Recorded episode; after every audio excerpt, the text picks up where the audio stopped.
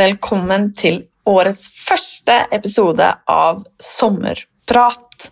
Sommerprat gir oss episoder hver torsdag, som vanlig, gjennom sommeren. Og jeg prater med alle slags mulige mennesker. Vi får lytte til spennende historier og både deilig, morsom og seriøs sommerprat. Det er rett og slett praten du kan ta med deg uansett hva du skal, eller hvor du skal gjennom sommeren. Målet er at vi kan lære, le, inspireres og kanskje tenke gjennom litt, selv om det er sommer, forhåpentligvis masse sol og litt ferie. Og årets første sommergjest er en fest av en dame. Jeg lurer egentlig litt på om det er noe Therese Lien ikke kan eller får til. Og jeg tror at hun gjør det aller meste med et smil. Mange kjenner Therese fra sosiale medier. Noen kanskje fra den tiden der hun vaska hjemme hver eneste dag, perfeksjonerte og presterte. Fra den tiden før hun møtte veggen. Men de fleste kjenner henne nok som den sprudlende dama som deler det som er, og som ønsker å vise livet bak fasaden. Og den skal vi snakke litt om i dag. Eller ganske mye. For til tross for at jeg har fulgt Therese en god stund nå, så viste det seg at jeg overhodet ikke kjente til historien hennes.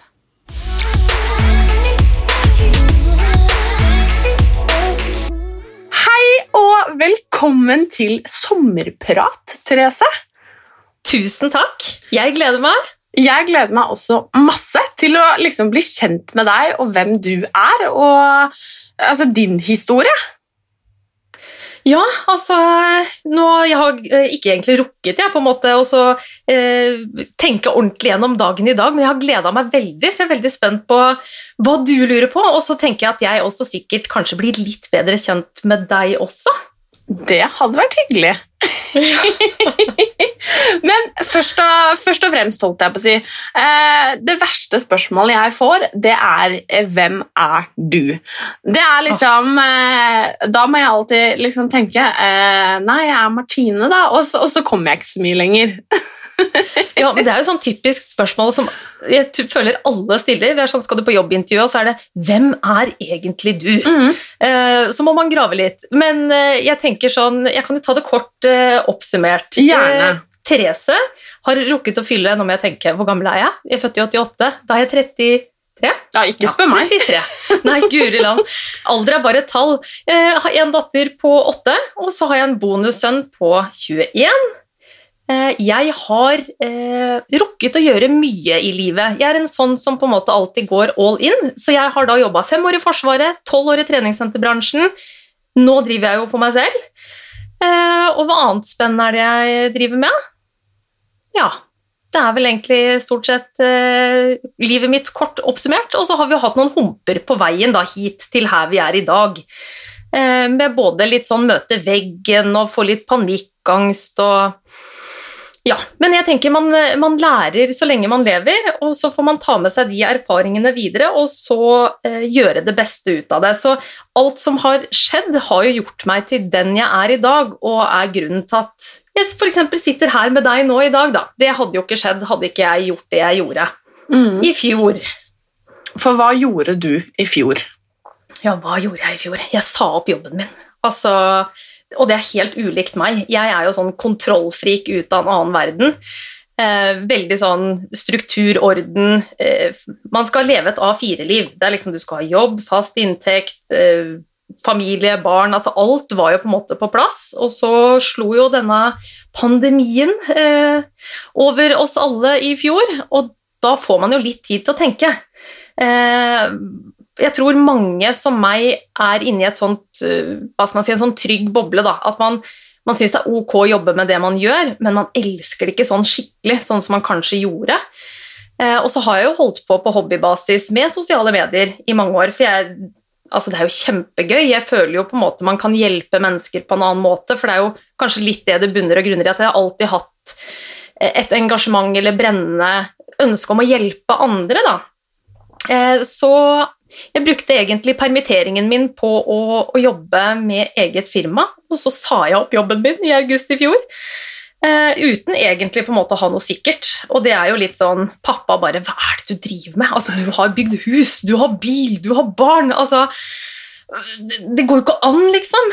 Men det gikk en liten sånn faen i meg at vet du hva, nå, nå må jeg gjøre noe for meg. Altså min helse, mitt, uh, min velvære. Altså jeg gidder ikke å slite meg ut for alle andre uten å få noe Altså, det er jo ingen som takker deg for det du har gjort etterpå, uansett.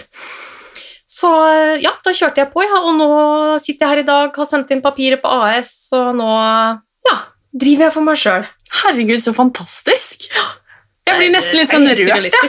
For jeg har et sånn motto med at man skal liksom tørre å sende den meldinga. Man skal liksom tørre å gripe den sjansen. Man skal slutte jobben om du, om du ikke trives. Liksom. Du skal si ja til den sjansen og følge magefølelsen. Liksom. Og liksom tørre da, å våge, liksom. For det, jeg tror så sjukt mange av oss sitter med en sånn der, en drøm da, eller et ønske som vi på en måte ikke, ikke tar tak i fordi at frykten for kanskje hva andre syntes, eller om vi skal klare det, eller hvordan det skal gå, er større, på en måte.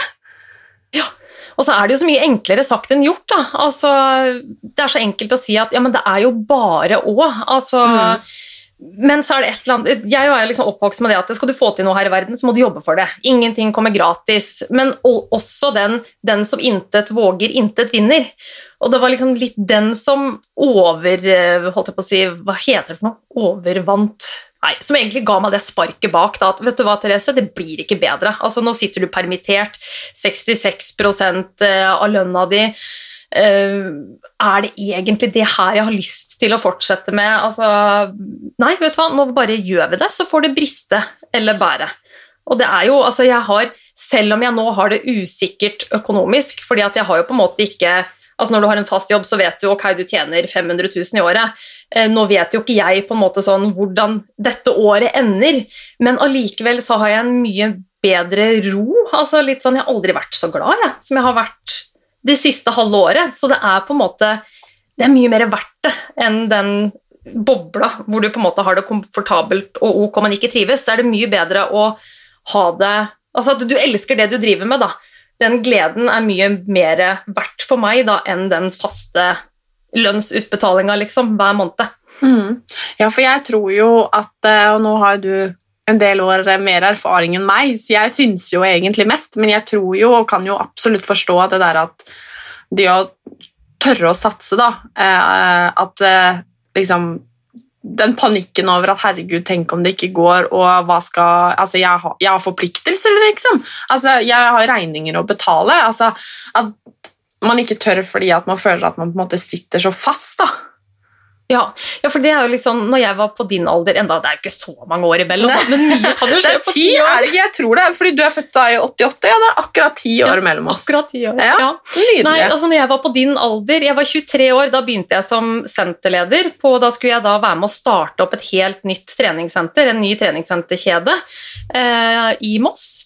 Uh, og da, men da, altså på det tidspunktet da så var jeg jo veldig sånn Selv om vi eide hus og altså, man, Da har man jo ikke de på en måte tankene som etter at man har fått barn og sånn.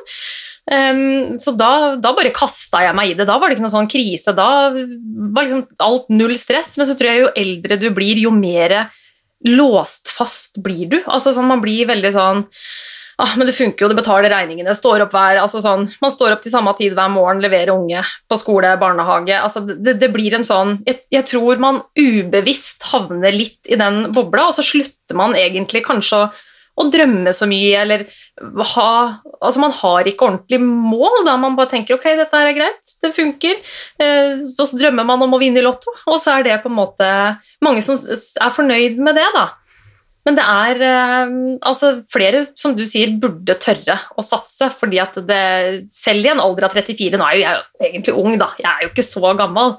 Men det er jo aldri for sent. Du hører jo om de som etterutdanner, eller tar en ny utdanning i en alder av 50, på en måte. Altså, Muligheten er alltid der. Mm. Ja, for jeg tenker jo at det, det, handler jo ikke bare om at man må slutte jobben sin, eller at man liksom må altså, ta, ta de sjansene på en måte der heller, men det å liksom tørre å følge drømmen sin litt mer. Da. Altså, herregud, Ja. altså det, den der deilige følelsen når man liksom får til noe man prøver på. og jeg pleier å si det der at jeg syns jo ikke at man For man snakker om at man er så redd for å feile, ikke sant?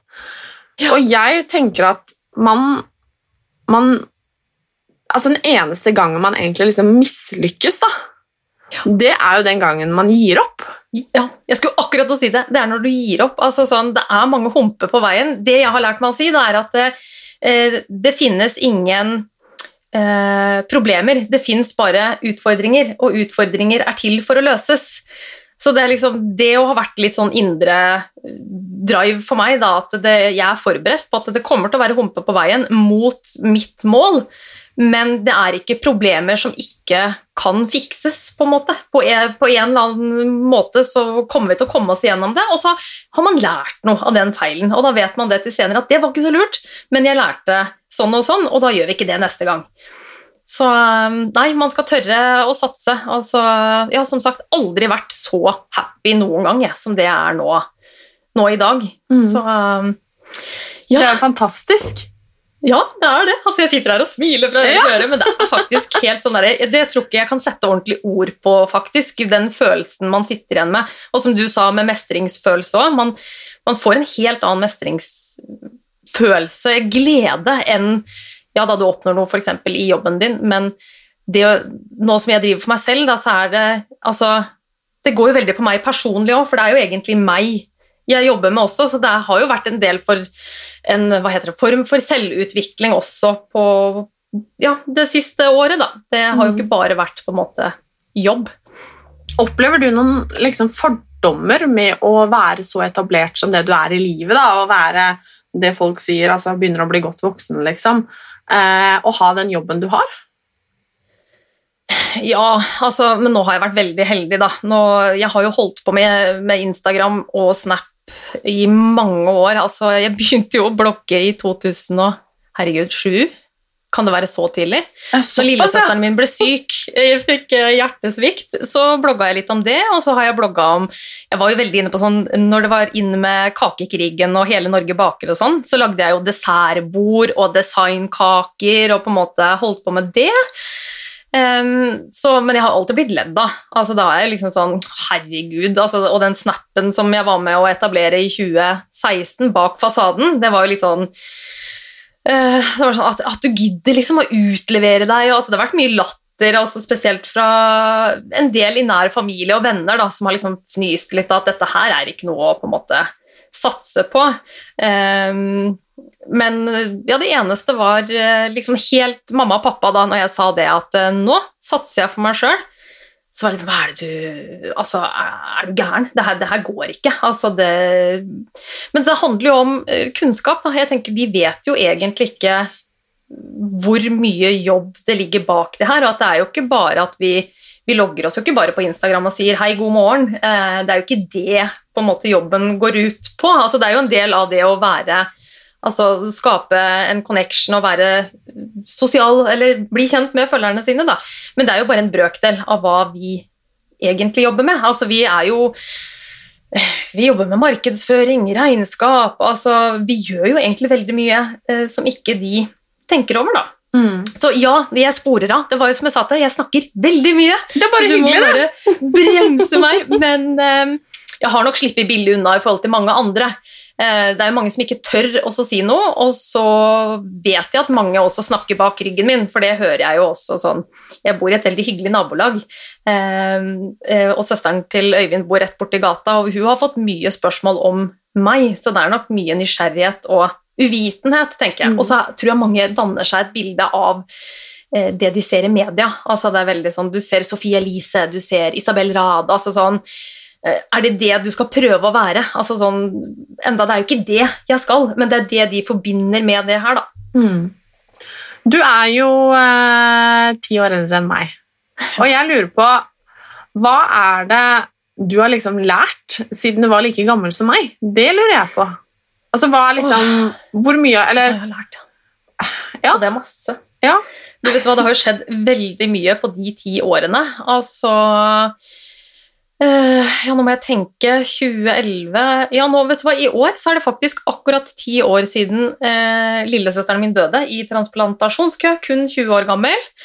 Eh, så det, jeg har nok aldri vært helt lik alle andre på min alder, tror jeg. Jeg har alltid vært kanskje litt mer voksen og reflektert, ydmyk. Um, jeg har nok satt mer pris på hva jeg har, da, og de rundt meg, enn det kanskje mange andre har gjort. Uh, men det har jo prega meg mye, altså når det skjedde i 2011. Um, så ja, hva annet hva er det egentlig jeg har lært på disse ti årene? Jeg har i hvert fall lært det at uansett hvor mye du jobber uh, for andre, så er du er ikke uerstattelig.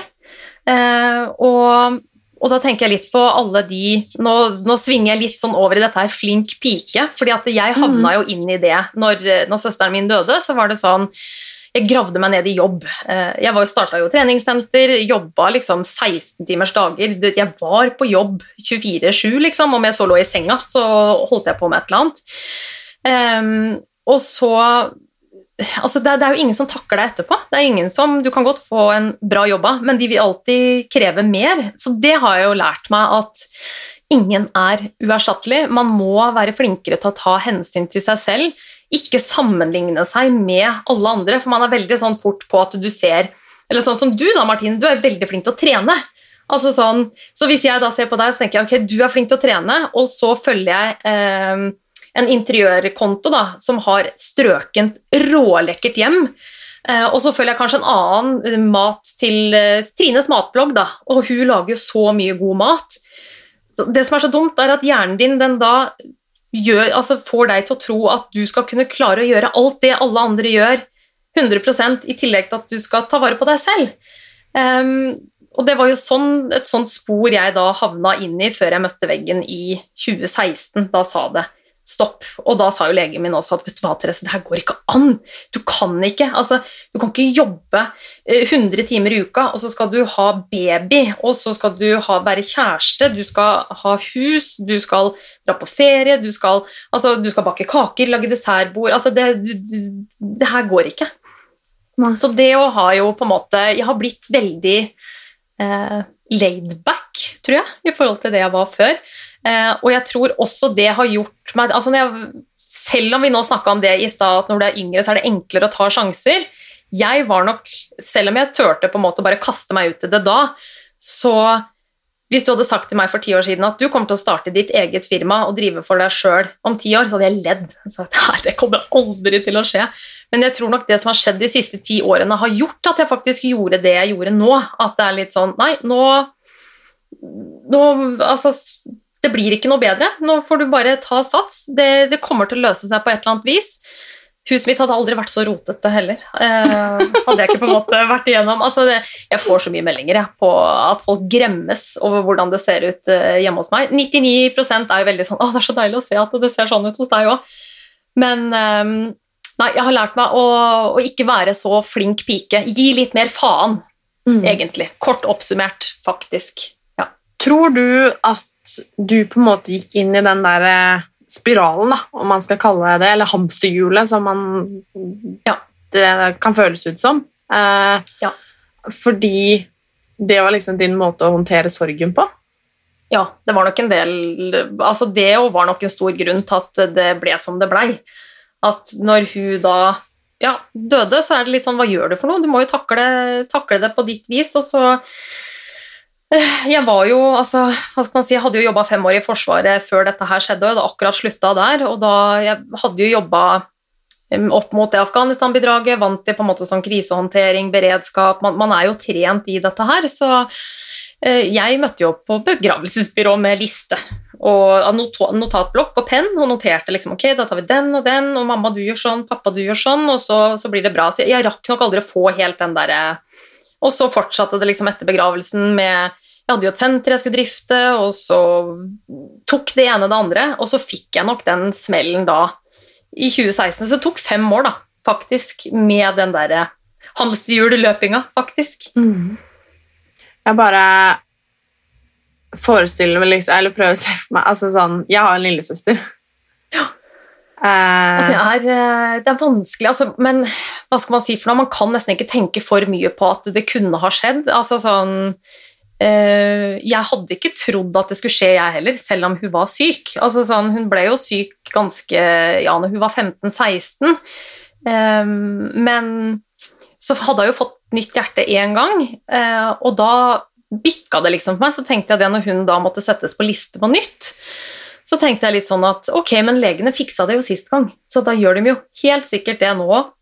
Så da var det liksom så sjokk når eh, det gikk som det gikk, da. Eh, Og det gikk jo så fort òg, på en måte. Altså sånn Ja, hun var jo fin, eller fin, hun var jo dårlig, men fin dagen før, og så, ja, til da pappa, holdt jeg på å si, hun døde jo hjemme hos pappa. Det var det som gjorde det ekstra ille, at han på en måte fant henne hjemme. Så det er en lang historie, holdt jeg på å si. Altså sånn eh, Ja, herregud. Det Ja. ja. Det er ikke så lett, alt man skal igjennom. Nei, det er liksom det at uh, Utrolig nok så må man gjennom litt dritt for å ja. komme dit man er, liksom.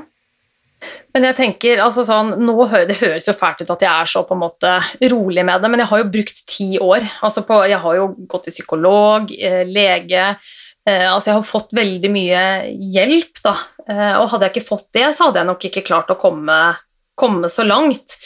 Um, og så sånn som jeg sa helt innledningsvis òg, at det man opplever i livet, gjør, gjør en jo til den man er i dag. Og selv om jeg på en måte helst skulle vært foruten, så ja, hadde jeg nok ikke gjort det jeg gjør i dag, da hadde jeg ikke vært igjennom alt det som har skjedd, da. Mm. Så da Tanken min etterpå var jo å kunne snu det om til noe positivt. Så egentlig helt siden hun ble syk, så har jo jeg hatt et indre ønske om å hjelpe andre mennesker. Altså Først så var det jo da jobba jo Forsvaret, treningssenter, bedre helse. altså Bare det å være i kontakt med mennesker, få de til å føle seg litt bedre. Um, og så fant jeg vel egentlig ut at um, jeg kan jo nå så mange flere gjennom plattformene mine, da. Eh, og at det er en bedre måte for meg å kunne hjelpe mennesker til å få det litt bedre i hverdagen. Altså Man kan jo ikke hjelpe alle, men hvis jeg på en måte kan få én til å føle seg litt bedre eh, Bare kunne hjelpe én, da, så er det på en måte verdt det. Så jeg har jo også eh, jobba en del med stiftelsen Organdonasjon, f.eks., for, for å kunne spre budskapet deres, viktigheten om det. Eh, Men også jobba mye i forhold til dette her med flink pike, altså være åpen om dette her med psykisk helse. Eh, For det er så viktig, og ikke minst kropp. Altså sånn Ja, nå blir det mye på en gang her, men jeg var jo også mobbeoffer når jeg var liten. Jeg har alltid blitt mobba for at jeg var feit, stygg, blitt spytta på, sparka, slått. Altså, det er liksom sånn Så jeg føler at jeg har så mye bagasje da, som jeg eh, Altså, jeg er jo heldig som egentlig er så bra som jeg er i dag. Eh, og da synes jeg, ja, men altså, sånn, Det høres jo fælt ut, men jeg er jo når man tenker på alt som har skjedd, da, så, så tenker jeg egentlig veldig heldig som har kommet så godt ut av det. Og da vil jeg bruke av min erfaring til å, å kunne hjelpe andre, da, ved å være åpen, for det er jo det vi mangler. Og det vet jo du alt om. altså sånn, Åpenhet er superviktig, og det er så mye som er tabu, og da er det viktig at vi som har muligheten til det, da, snakker høyt og åpent, åpent om det og er ærlige. Mm. Jeg tror det er superviktig. Ja, for du har jo jobba mye med kropp og psykisk helse, altså, man blir jo så glad av å følge deg, og det er jo sånne mennesker vi trenger. Altså, du er jo ung, men vi trenger enda flere av de yngre til å på en måte tørre å være seg sjøl. For det er jo det altså, Den derre stereotypiske jenta, det er på en måte bare Ja, hva skal man kalle det for noe? Det er jo ikke et realistisk bilde. Det er jo Ingen er like. Vi er Alle er unike, og vi er gode nok akkurat sånn som vi er. Mm. Tror du at det, dette her med liksom, om vi skal kalle det liksom flink pike-syndromet, da, eh, som det gjerne blir kalt eh, når man snakker om det i media osv., eh, har det på en måte vært også en hva skal man si, flukt og en sånn ønske om å bli liksom, den perfekte utgaven av deg selv?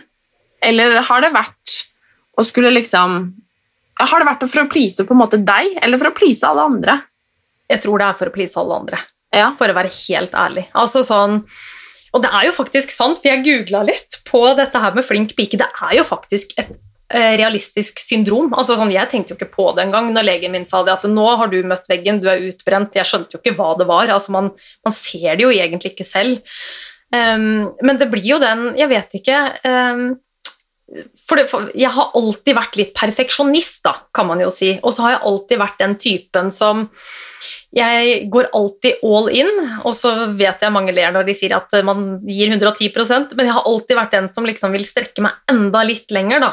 Um, og sånn har jeg vært på all, alt, liksom, alle områder. Jeg skal levere 100% på jobb, jeg skal levere altså, Og så har det jo også vært litt den at den eneste positive tilbakemeldingen du får, er jo liksom sånn på om du er god nok, er jo fra arbeidsgiver eller ja, de utenom, da. Og det er liksom, hvis noen kommer hjem til deg og sier at 'fy fader, det ser ikke ut her', det ser helt jævlig, så tok jo jeg det til meg at herregud, da, da har jo ikke jeg Altså, Selv om jeg har jobba 100 timer denne uka, her, så burde jeg jo ha skrubba og vaska ned hele huset før jeg fikk besøk. Så Ja, nei, det har nok eh, Ja, kanskje vært en litt sånn kombinasjon av hva jeg tror har vært forventa, eh, og så kanskje litt sånn Ja, for å få litt bekreftelse på at jeg leverer bra nok, at jeg er bra, bra nok. Mm. Eh, men så har jeg nok også brukt ti år på å egentlig finne ut hva jeg har lyst til å drive med. Altså, Jeg var jo ikke en sånn typisk som når jeg var 18, bare 'jeg skal bli' eh, altså jeg, jeg, sa jo lenge at jeg skulle bli Norges første kvinnelige finansminister. Jeg ble jo ikke det heller. Altså sånn, Man vet jo ikke hva man skal bli når man er 18. De aller fleste vet jo ikke det.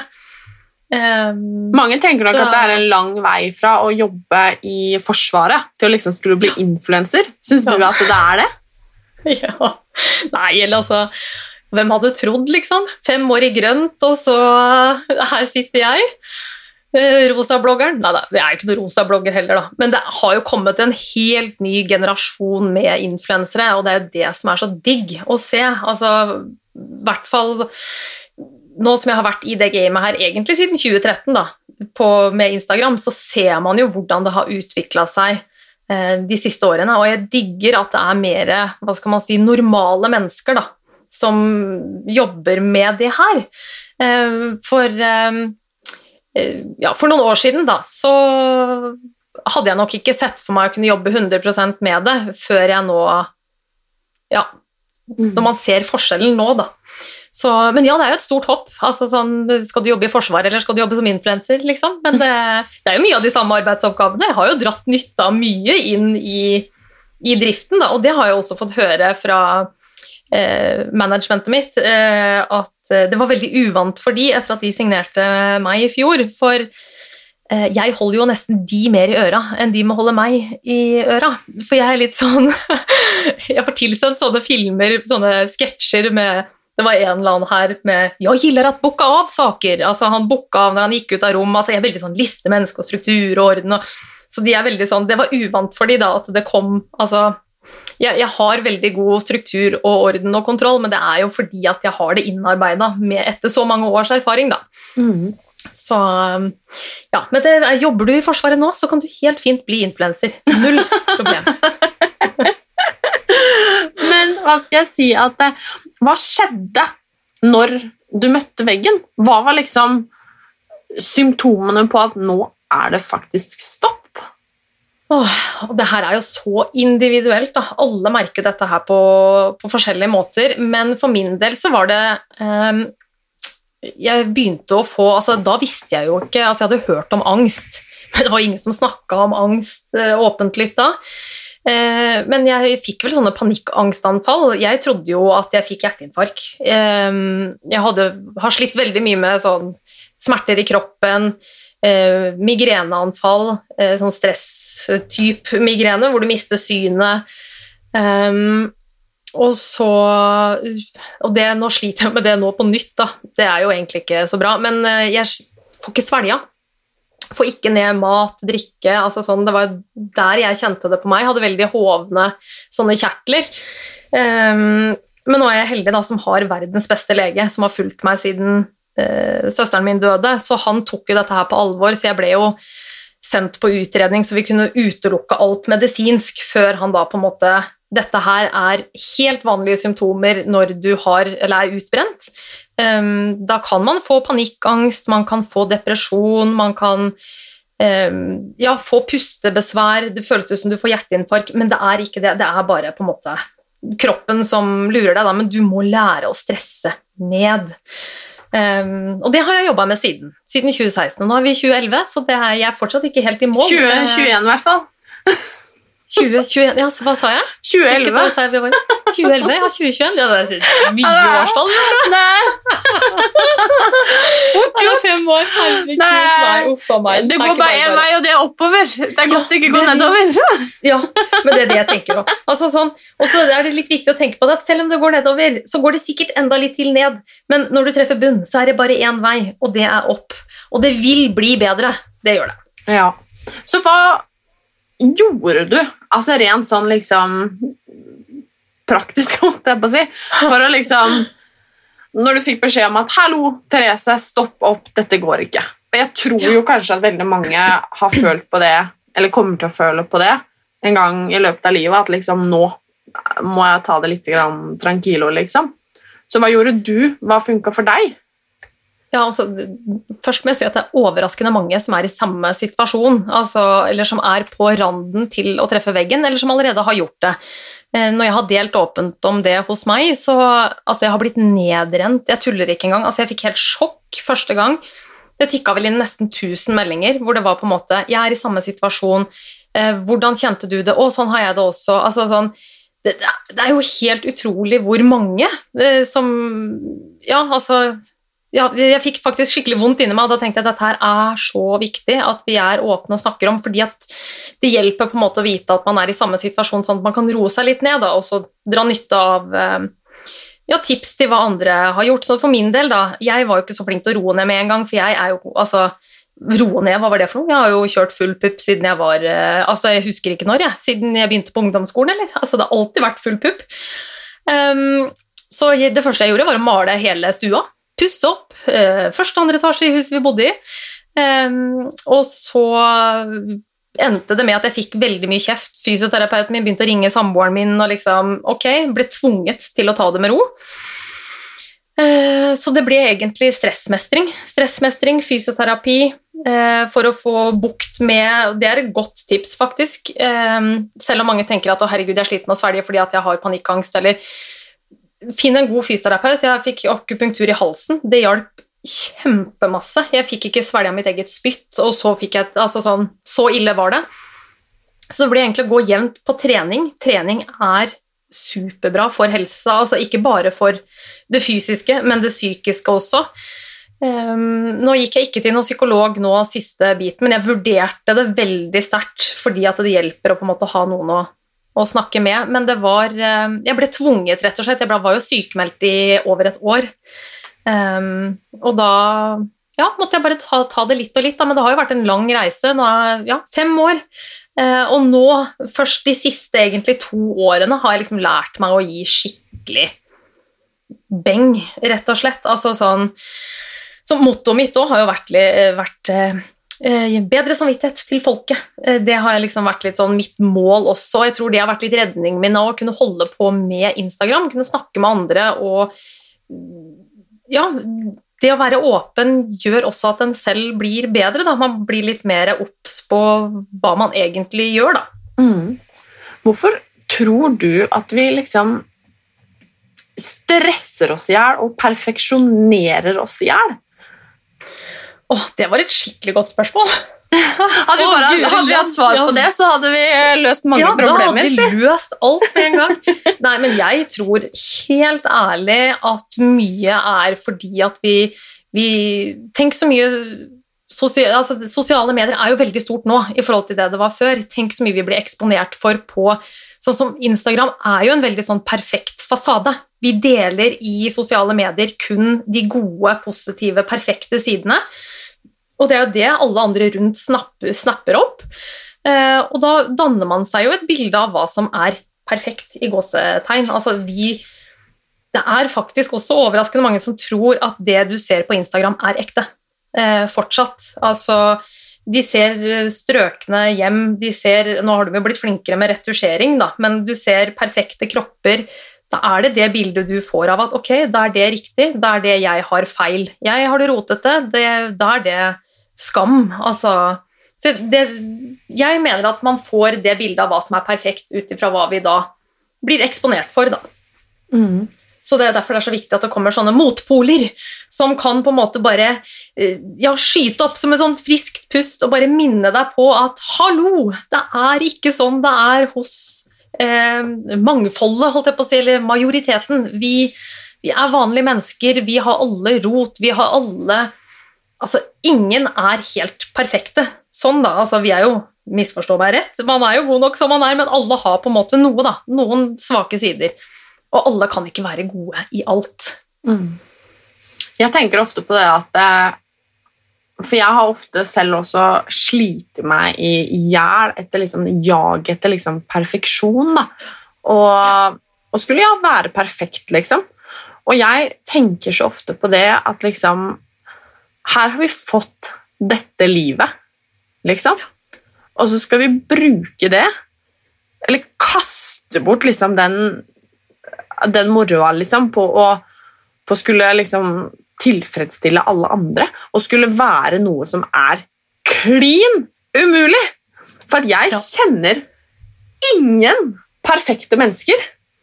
Og da tenker jeg det er jo helt tullete at Ja. jeg også har brukt så mye tid og fortsatt glemmer det og gjør det av og til eh, på liksom skulle være perfekt. Men det er liksom nøkkelen, som du sa inni der òg, at man skal please alle andre. Mhm. Altså, det er jo det man på en måte må skjønne, at uh, man gjør jo ikke dette her for alle andre. Det man gjør, skal man gjøre for seg selv. Uh, og jeg tror det er først når man skjønner det, at man klarer å gi litt mer faen. Altså litt sånn Sorry, ass, jeg rydder ikke huset mitt strøkent fordi at du skal komme på besøk. Altså, sånn, det høres fælt ut, men det er jo ikke du som bor her, det er jeg. Altså, og så lenge jeg syns det er greit, så skjønner ikke jeg helt hva problemet er. Og det er litt sånn jeg tror det er generelt i livet. Hvorfor skal du se sånn ut for at de skal synes at du er god nok? Du skal jo være fornøyd med deg, og du har ett liv. Du har én kropp.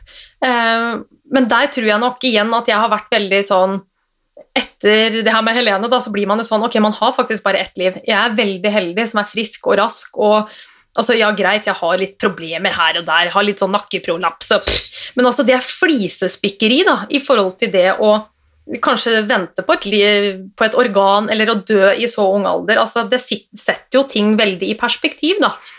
Så det har nok hjulpet meg veldig til å komme inn i den riktige tankegangen hvor jeg før aldri var fornøyd. Altså, bare på, jeg hadde litt sånn valker, ikke sant? sammenligner du deg med klassevenninna di som er helt på en måte altså, Man trodde jo at man måtte være tynn for å være god nok før, men jeg er meg, og jeg er god nok, og det er, selv om det er klisjé, så er det faktisk det indre som teller. Eh, og den som jeg har eh, snakka litt om, er jo at eh, når du møter en gutt, da, hvis han er dødskjekk, eh, og så blir du kjent med en, så er han skikkelig rasshøl, så blir jo ikke han fin. Men hvis du møter en som er på en måte, si helt normal, da, og har bare den personligheten, så det er jo personligheten som gjør deg egentlig til den du er. Da. Det er utstrålinga di, selvtilliten din, altså Ja, personligheten din, da. Mm. Jeg er helt enig. Ja. Hvordan har det vært å Det er jo så gøy, ja, men du vet hva, det er så artig å følge deg. Jeg, det, det bare, jeg tenker sånn halleluja at det finnes sånne damer som deg, som i så ung alder bare kan liksom ja, gå foran som et skikkelig godt forbilde, da, og lære andre at eh, ja, man er pokker meg god nok akkurat sånn som man er. Så hyggelig. Men det er sånn, jeg av og til tenker og sånn, jeg er jo bare meg. er, ikke, det er, ikke det egentlig litt, er ikke det egentlig litt rart? At man liksom Man blir satt så stor pris på bare med å være seg sjæl. Det er veldig rart. Det er det som er så deilig. Ja, men det er jo altså Vi er jo bare oss sjøl, men det det, vi er jo alle vanlige mennesker. Men jeg tror altså sånn ja, Som vi egentlig snakka om litt òg, at det, har vært en så I så mange år nå så har alt vært så perfekt, og vi har bare hatt disse største Hva skal man si Og det høres så fælt ut, vet du, jeg kan ikke si noe stygt om de, sånn åpentlyst, men eh, alt har liksom vært sånn operasjoner, og du skal se sånn ut, og du må gjøre sånn for å bli bra nok, og altså Vi trenger de som kan slå et slag for at man er god nok sånn som man er. Man trenger ikke altså Det er jo ikke det som er normen, det er ikke det som er standarden. Det er jo ikke sånn man ser ut. Altså, Gå ut på byen, og så setter du deg på en benk når ting åpner igjen, da, vel å merke. Så kan du se på alle menneskene som går forbi. Da, altså, og så prøver du å tenke på det du ser på sosiale medier. Da tror jeg mange også får seg en litt sånn aha-opplevelse. At eh, ok, hva skal man tro på? Alt glansbildene eh, og alt det perfekte, eller virkeligheten, på en måte. Ja. Mm. Og jeg prater og prater, vet du, Martine. Jeg bare Det er suser av gårde. Dette er så engasjerende. Så. Jeg veit det. Men det jeg lurer på, er hvordan har det vært å skulle være mamma? Eh, både med å på en måte møte veggen og skulle liksom komme dit hvor du er i dag. Ja, å guri land. Eh, når jeg ble gravid, da, så tenkte jeg liksom at eh, jeg var jo veldig sånn arbeidskvinne. Hvor gammel var du da? Eh, 25 var jeg da Selina ble født. Ja. Så ett år eldre enn deg, da. Det, det, ja, jeg hadde ikke trengt å påpeke alderen, men ja, eh, og da, da tenkte jeg egentlig at jeg skulle bare presse ut ungen, og så skulle jeg bare rett tilbake på jobb. Det var liksom tanken min, da. Eh, og så fikk jeg jo sjokk når babyen kom. Altså sånn Det er jo så mye mer jobb enn man tror. Eh, og jeg som trodde jeg var sliten før jeg fikk mamma Nei, før jeg fikk mamma, hører du? Før jeg fikk barn. Etter at jeg fikk henne, så var det sånn Ok, nå vet jeg hvordan det er å være sliten, faktisk. Altså sånn null nattesøvn, full jobb. Um, så hva skal man si, det, det var nok det at jeg trodde jeg kunne fortsette som før etter at jeg ble mamma, som også var med på å bikke litt den derre uh, Møte den veggen, da. Men uh, man har jo på en måte ikke Når man er mamma, så har man jo ikke muligheten til å på en måte bare flykte fra alt. Man kan ikke bare legge seg ned. Altså, du har jo ting som må gjøres uansett. Og det har vært veldig viktig for meg at ikke Selina skulle mangle en mamma oppi alt dette her. Og så har jo jeg eh, en mann som jobber i Forsvaret, så han har jo da vært borte store deler av året. Altså, så jeg er jo veldig mye alene. Um, og da har man jo ikke noe valg. Altså, foreldrene mine jobber, jeg har jo ikke pensjonistforeldre. Altså, da, man må jo bare klare seg sjøl. Så jeg har jo gjort det som er strengt talt uh, nødvendig å gjøre. Uh, og så har alt annet egentlig måttet vike. Så jeg har jo merka sånn i forhold til venner eh, Man har jo ikke så mange igjen, da, når man eh, ja, kommer ut i andre enden.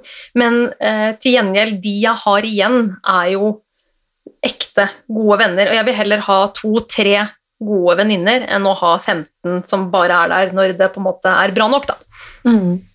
Så, men eh, jeg ville jo ikke vært foruten Salina, da. Det er jo på en måte en stor sånn hva skal man si, glede i livet, og hun er jo med på å minne meg på at man må ta litt pauser, for det er jo litt sånn når man starter for seg sjøl, du som også jobber for deg sjøl, vet jo hvor mye jobb eh, som egentlig er rundt det, og da er det Jeg kunne jo gått i samme fella en gang til, fordi jeg syns dette er gøy. For det er, jo, det er jo det som er, at man blir jo veldig ivrig og eh, engasjert, og da er det så godt at hun på en måte Når det er helg, så må vi legge bort, da må vi ut og sykle, vi må altså Og jeg må legge det bort på ettermiddagen, sånn at man kan Ja, man har den familietiden da som er hellig. Mm.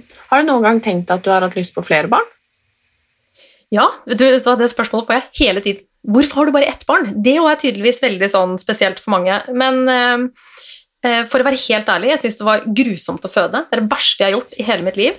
Eh, altså det, ungen var fin, men selve fødselen var jo et helvete. Altså, sorry. Eh, jeg bæsja ikke på ni dager etterpå. Altså, det var bare det er helt, altså, Jeg fatter ikke de som føder fem, seks, syv barn, liksom. Det er bare, så jeg var egentlig bestemt Etter at jeg fikk henne, så var det sånn Jeg skal aldri føde igjen. Det blir ett barn. Det er det. Eh, og så hadde vi jo Nikolai som sånn, altså sønnen til Øyvind fra før. Han har jo bodd hos oss eh, 50 eh, Så begynte vi å tenke litt på det for noen år siden, men da var det litt sånn ah, Nei, vet du hva, nå sover Selina hele natta, hun kan kle på seg sjøl. Altså sånn, skal man begynne helt på nytt igjen da? Da kommer vi fram til at vi er heldige som har fått et friskt barn, um, og vi er egentlig ja, fornøyd med det, da. Så da ble det da ble det én. Skulle hatt to, så måtte det vært to tette, og det ja, ble jo ikke noe av, for å si det sånn. Men eh, det er jo helt greit. Det er jo det som er så fint, det er at det er dere som bestemmer. Ja, det er jo det som er fint, det er jo det, men det er bare så artig at det er så mange som syns det er så merkelig, da. Men jeg tror det blir Altså, alle må jo velge det som passer best for seg sjøl. Men det òg syns jeg er litt sånn teit, at det skal være en forventning om at eh, det er feil å ha ett barn. Altså, man må ikke ha to eller tre for å være en familie. Man kan helt fint ha ett barn. Så ja, Eller man kan velge å være barnløs. Altså, det får jo være opp til hver enkelt, men eh, ja, jeg syns det er teit at det er mange som må forsvare seg for de valgene man tar akkurat der også. Mm. Igjen stereotypisk, vet du. Der er det en stereotypisk familie. Det er to voksne og to barn. Mm. Altså, det er litt sånn derre Åh, samfunnet. Ja. Men jeg lurer, for at eh, bonussønnen din, hva, eller hva het han, Nikolai, var det ikke det du kalte han? Ja, Jo, han er nesten eh, like gammel som deg. Ja, det var det jeg liksom lurte på. Hvordan, eh, hvordan er det? For da Nå vet jeg ikke hvor gammel Øyvind er. Han er eldre enn meg. Han er eh, seks år eldre enn meg. Så vi møttes jo i Forsvaret når jeg var 20 og han var 26, og da var Nikolai 8. Eh, Så jeg har jo da vært stemor siden jeg var 20. Vært eh, alene med Nikolai på campingferier, for vi er sånne campere. Vi har campingplass på, Ja. i Grebbestad i Sverige. Nei, så vi har kosa oss i alle år. Vi har hatt det kjempefint. Så Men da har du jo Da må jo han også ha vært veldig ung da han fikk, fikk barn. han rakk å fylle 18. Ja, ikke sant? Så vi tulla litt med det at han kunne jo faktisk blitt bestefar i en alder av 36 hvis Nikolai hadde vært like tidlig ute, men eh, nå er jo heldigvis bank i bordet Nikolai veldig reflektert og på en måte mm, ja, voksen, ung mann som har eh, ja, vært eh, litt mer gjennomtenkt enn pappaen sin. Kan man jo Ja. si på en pen måte, da. At nå er det utdannelse og jobb og sånn først, og så får han ta familien senere. Så bra! Åh, Guri land, jeg snakka høl i huet på deg. Ja, nei, men jeg synes det, er- Som sagt, det er, det er jo det jeg vil. Jeg vil jo prate med deg for at jeg har lyst til å bli kjent med deg. Og for å si det sånn, det, Jeg er mye mer kjent med deg nå enn hva jeg var eh, når vi begynte å prate sammen. Ja, men det er hyggelig. Men jeg lurer, eh, før vi snart skal wrappe opp her, hva er planene for sommeren? Ah, planene for sommeren. Du, det kommer helt an på korona. Nei da, Ja, eller jo. Det gjør vel det for, oss, for de fleste av oss, egentlig. Ja. Vi har jo som sagt fast plass i Grebbestad i Sverige. Det fikk vi jo ikke brukt i fjor. Eh, Jeg elsker camping. Det er så fantastisk. Så jeg hadde egentlig håpa vi kanskje kunne reise dit i år, men det tviler jeg på, for å være helt ærlig. Jeg tror ikke vi får dratt dit i år. Eh, Så da blir, eh, blir det Kristiansand dyrepark, vet du. Barnefamilie, så vi skal dit. Eller så blir det å kose seg hjemme. Altså sånn, Vi skal ikke stresse. Vi kommer ikke til å legge noen andre planer enn det. Altså ta, Vi tar sommeren litt sånn som det kommer. Um, og jeg tror egentlig det er litt uh, digg òg, jeg. Å ikke fylle opp hele sommerferien med masse planer. Og så vet jo du også at når man hva skal man si, er i oppstarten av eget eh, firma, så blir det jo helt sikkert litt jobb òg, da. Men uh, det er bare gøy. Så det, det blir sommeren 2021. Det blir uh, jobb Kristiansand, hjemme, strand og kanskje camping. Det høres helt nydelig ut, syns jeg. Men det var superhyggelig å prate med deg, Therese, og bli litt eh, bedre kjent med deg. Du er en fest av en dame. Og tusen takk, hjertelig tusen takk for at jeg fikk lov å komme. Det var veldig, veldig hyggelig. Superhyggelig. Og så kan vi jo kanskje rappe opp med å konkludere med at hva er det man sier, en god resept på et godt liv er å gi litt mer faen. Helt enig. Du kunne ikke sagt det bedre. Ha det da, Therese! Ha det! Ha det!